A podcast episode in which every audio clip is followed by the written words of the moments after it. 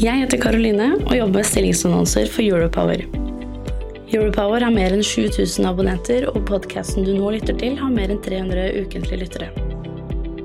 Hvis du er på jakt etter ny jobb, se stilling.europower.no. Ta også gjerne kontakt med meg dersom du ønsker å annonsere ledige IT-stillinger i fornybar energibransje. Du lytter til lyden fra en videosending med journalist Magnus Linjære i Europower. Hele sendingen kan du se på europower.no.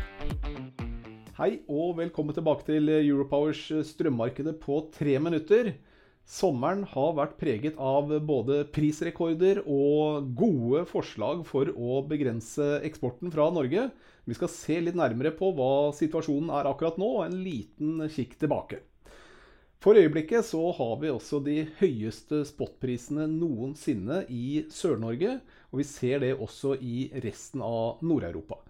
Også fremtidsprisene er preget av den situasjonen som er nå. Vi skal se litt nærmere på det.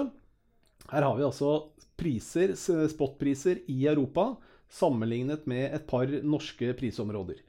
Sørvest-Norge ligger helt i europatoppen, hvis vi skal kalle det det og følger da de prisene som er på kontinentet. Lenger nord i Norge så er det flaskehalser som gjør at kraften er innestengt.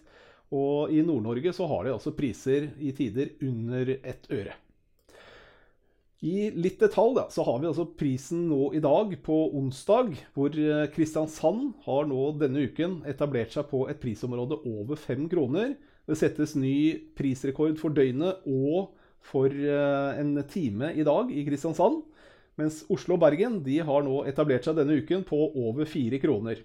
Til i morgen torsdag så setter Bergen og Oslo ny prisrekord i spotmarkedet.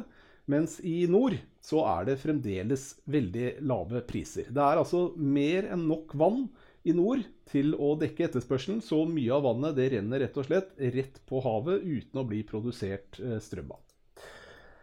Årsaken til de høye prisene vi ser både i Sør-Norge og i Europa, er gassprisen.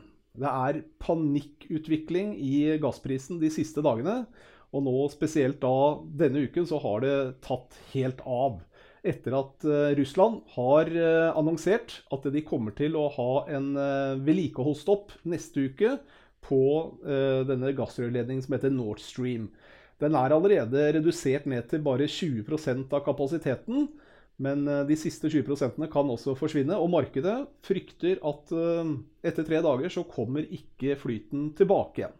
Og da er det altså reell risiko for gassrasjonering i Europa kommende vinter.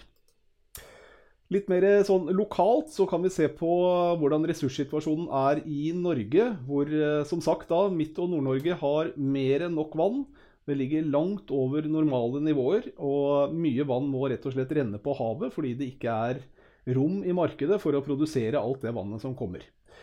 I Sør-Norge så er det rekordlave nivåer, og forrige uke så gikk faktisk eh, fyllingsgraden i Sør-Norge ned. Og det er på tross av at det er ganske streng kontroll og lav produksjon i Sør-Norge. Fremover så ser ikke bildet noe spesielt mye bedre ut. Det ser ut som dagens prisrekorder de kommer til å bli slått. For til vinteren så er det altså ekstremt høye prisforventninger i markedet. Skal vi tro da terminmarkedene for strøm både i Norden og i Europa. I Frankrike så har de altså en pris på over 14 kroner kWh for første kvartal.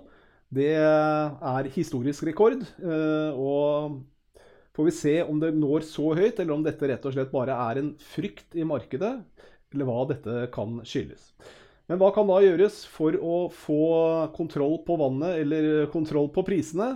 Der er det mange gode forslag eh, fra både interesseorganisasjoner og politikere på hvordan vi skal bremse eksporten fra Norge. Mer om det kan du lese om på Europower. Der oppdaterer vi deg løpende. Takk for oppmerksomheten. Du lytter til lyden fra en videosending med journalist Magnus Linjære i Europower. Hele sendingen kan du se på europower.no. Jeg heter Karoline og jobber med stillingsannonser for Europower. Europower har mer enn 7000 abonnenter, og podkasten du nå lytter til, har mer enn 300 ukentlige lyttere. Hvis du er på jakt etter ny jobb, Se stilling.europower.no. Ta også gjerne kontakt med meg dersom du ønsker å annonsere ledige IT-stillinger i fornybar energibransje.